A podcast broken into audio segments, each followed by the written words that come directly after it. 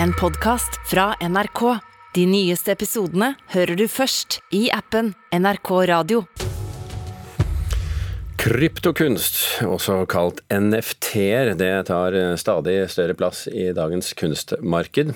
I New York eksempel, så skal det i dag auksjoneres bort fortsatt for så vidt vanlig kunst fra vanlige kunstnere som Picasso, Monet og Banksy, men da også NFT-kunst. Her i Oslo er det også åpnet Norges første NFT-galleri, så spørsmålet vi stiller nå, det er er NFT-er kommet for å bli? There's, there's a new generation of buyers coming in that are that come from the you know from the digital world, that come from the crypto world. Alexander Rotter, som er styreleder for årets kunstavdeling i auksjonshuset Christies, forteller om veksten den digitale kunsten har hatt. I kveld skal nemlig Christies selge verk fra kunstnere som Picasso, Monet og Banksy, men også digital kunst laget av Mike Winkelman som selger kunst under navnet Beeple. Nå har også Nordens første NFT-galleri åpnet i Oslo. Jeg syns jo det er spennende. Eh, det er jo en veldig sterk tendens i tiden. NRKs kunstkritiker Mona Parle Bjerke tror NFT-kunstens vekst ikke vil erstatte, men utvikle den fysiske kunsten. Sånn som vi så da fotografiet ble oppdaget nesten 200 år siden, at det, det påvirket maleriet. Og at det skjøv maleriet f.eks. først i en følelsesladet, så i en abstrakt uh, retning. NFT-kunst er digitale kunstverk som du ikke kan henge på veggen med mindre det er på en skjerm.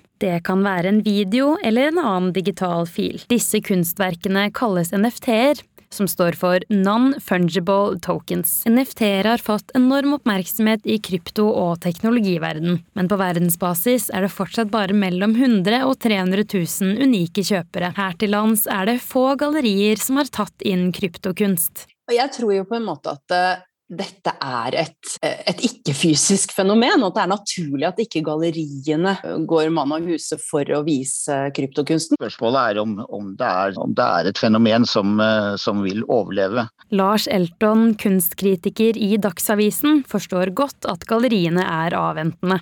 Foreløpig den kunstneriske kvaliteten ikke all verdens uh, høy. Det krever, er ganske krevende å vise det, fordi i hvert fall har fått størst oppmerksomhet oppmerksomhet er veldig kompliserte.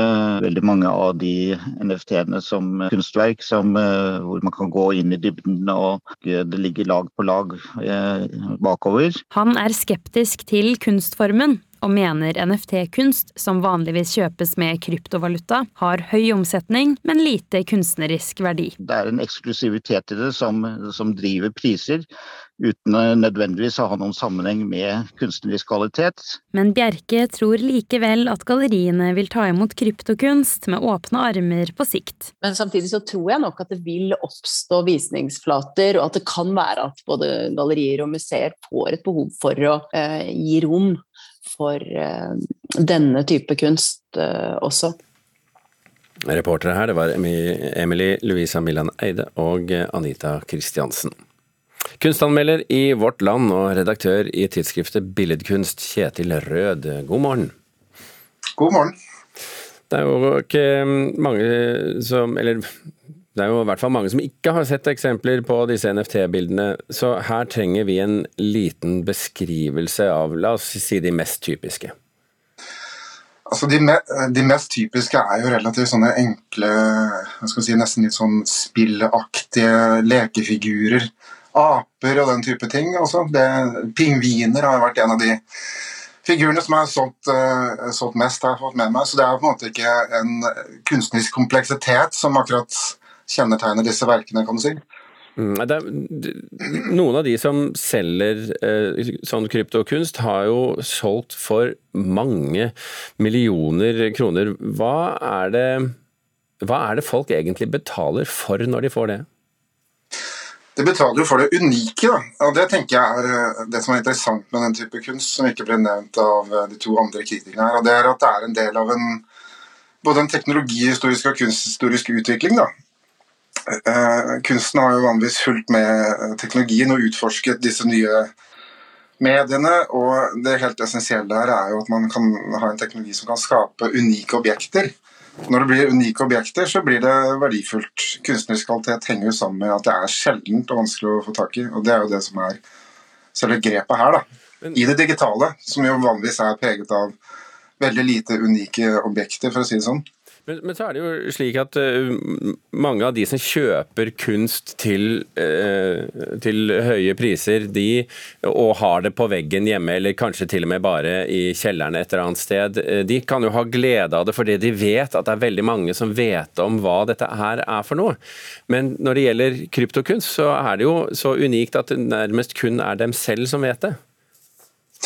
Ja da, og jeg tenker at eh, den på en måte, hva skal jeg si, klassiske ideen om eh, kunstsamlingen eh, er jo ganske langt unna her. Jeg tror dette her minner mer om det er mer sånn typisk samlekultur. da, Det at man samler på en måte på hva skal jeg si, frimerker eller mynter og den type ting. da. Det blir på en måte denne gleden av å ha ting andre ikke har, mer enn at objektet i seg selv nødvendigvis har så veldig stor verdi utover, utover selve denne samler, samlergleden. da. Mm.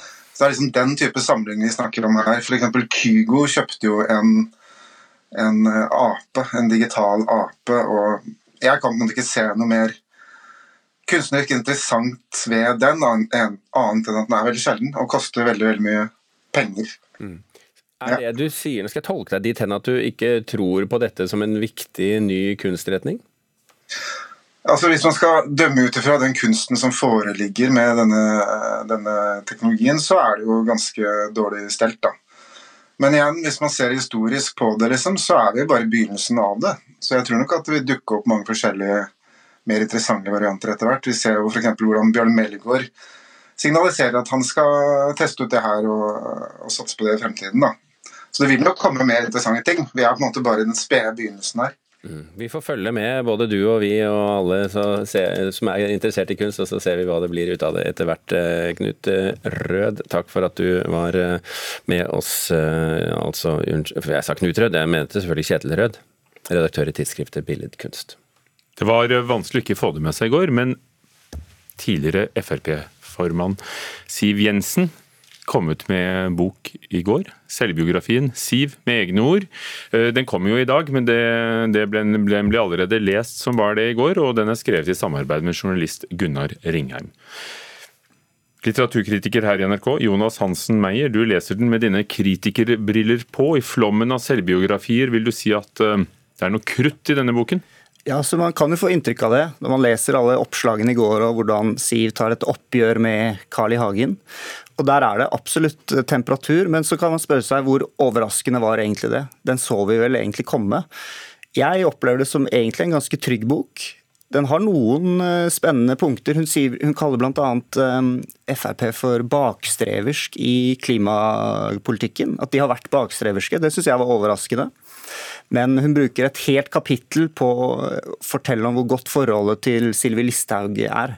Og Da minner det litt mer om en hyttebok at liksom alle det var god mat, og alle var enige om at det hadde vært en fin tur. Det er jo veldig trygt å angripe Carl I. Hagen, så det er der aggresjonen plasseres. Og noen andre eh, politiske motstandere. Men stort sett så er, behandler hun og skriver om folk med veldig varme og respekt. Hvordan skriver hun om seg selv? Med varme og respekt, kanskje? Ja, altså, det er jo litt det. da. Man får et sympatisk inntrykk av uh, Siv Jensen her. Det, det er jo ikke helt uvanlig i en um, selvbiografi. Hun tar selvkritikk i noen saker. Trond Birkedal-saken, denne Morna-Jens-episoden. Mens andre kanskje mer kontroversielle saker, som hennes motstandere kanskje ville hørt mer om. Håndteringen av 22. juli, dette snik islamiseringsbegrep og sånn, det hopper hun ganske greit over. Men der er det ikke sikkert hun egentlig har så mye å reflektere over selv. Vi må jo ta det for det som eh, står der. Hvordan er den litterært? Altså, det er jo Siv med egne ord, men da i samarbeid med, med ringrev av en journalist, nemlig Gunnar Ringheim. Den er enkelt skrevet. Den er, det, altså, dette er ikke de dype analysene. Er, eh, hun skriver et sted at eh, nå kan vi begrave myten om Frp og innvandrere. For, og Da begrunner hun det med at hun nettopp har møtt en taxisjåfør som ville ta en selfie.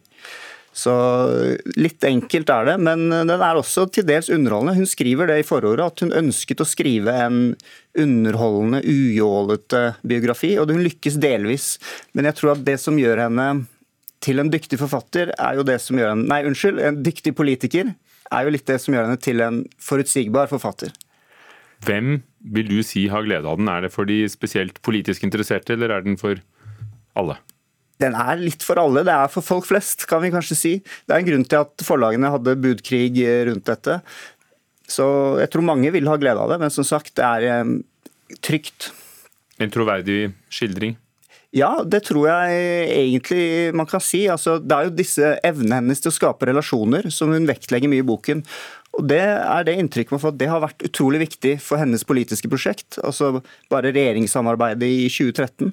Og Da begynner man å lure på om et kapittel da, i FrPs historie er litt over nå, når man leser denne boken. For hvordan skal dette gå med Sylvi Listhaug? Det skriver selvfølgelig Siv ingenting om. Takk skal du ha. Jonas Hansen Meyer, som da har uh, brukt natten på å lese Siv med egne ord. Over ett år etter planen var det endelig premiere på 'Reisen til julestjernen' ved Folketeatret i Oslo i går kveld.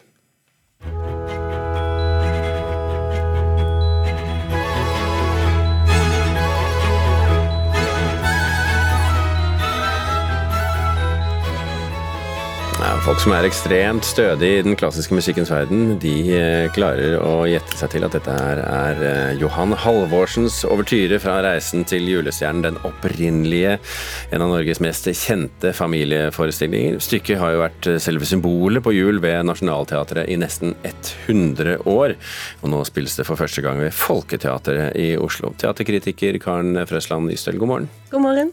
Dette er jo en stor og viktig forestilling for teatret. Hva, hva forventet du da du gikk og satte deg i salen i går? Jeg forventa egentlig at det kom til å bli litt konservativt, for eh, Folketeatret og produksjonsselskapet Scenekvelder har sagt at når de da overtok stykket fra Nationaltheatret, så skulle de tilbake til den opprinnelige visjonen, meninga med Reisen til julestjernen. For den har blitt modernisert etter hvert, til godt og til gale. Så forventa jeg jo det som er blitt eh, Folketeater sitt varemerke. altså Overdådig og flott og fargerik scenografi. Og sånn barneteatermessig en, en ganske trygg pakke uten noen krumspring eller noen veldig store overraskelse, mm. egentlig. Ble det slik? Ja, langt på vei så ble det egentlig sånn. Er det bra eller dårlig? Det kommer litt an på øyet som ser, egentlig. Det er en trygg og snill oppsetning. Og jeg syns energien i stykket er ganske lik hele veien. Det er veldig kontrollert, det er ikke farlig, men sånn er jo òg stykket skrevet. Så det er der er de tro mot stykket sånn som det er.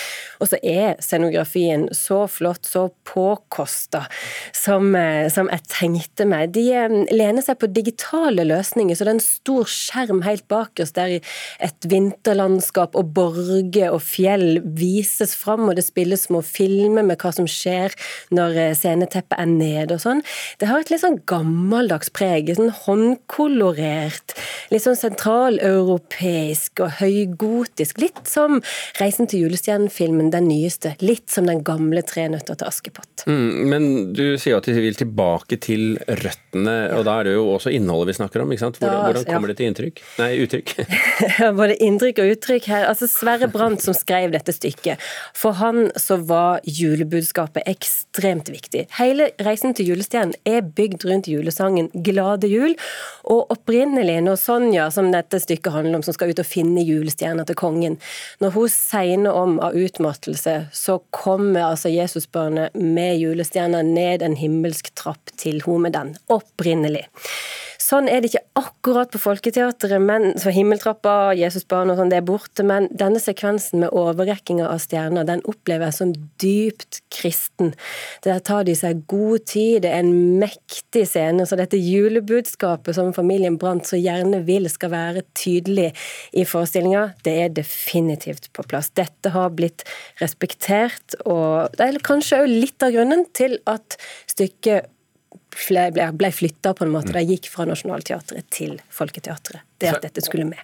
Ja, Så er det en annen litt gøyal ting, da. fordi at Sonja mm. eh, spilles jo av Amalie Krogh Sundbø, mm. datter til Hanne Krogh, som jo var Sonja i filmen 'Reisen til julestjernen' fra 1976. Mm. Eh, hvordan var eh, datter Sonja?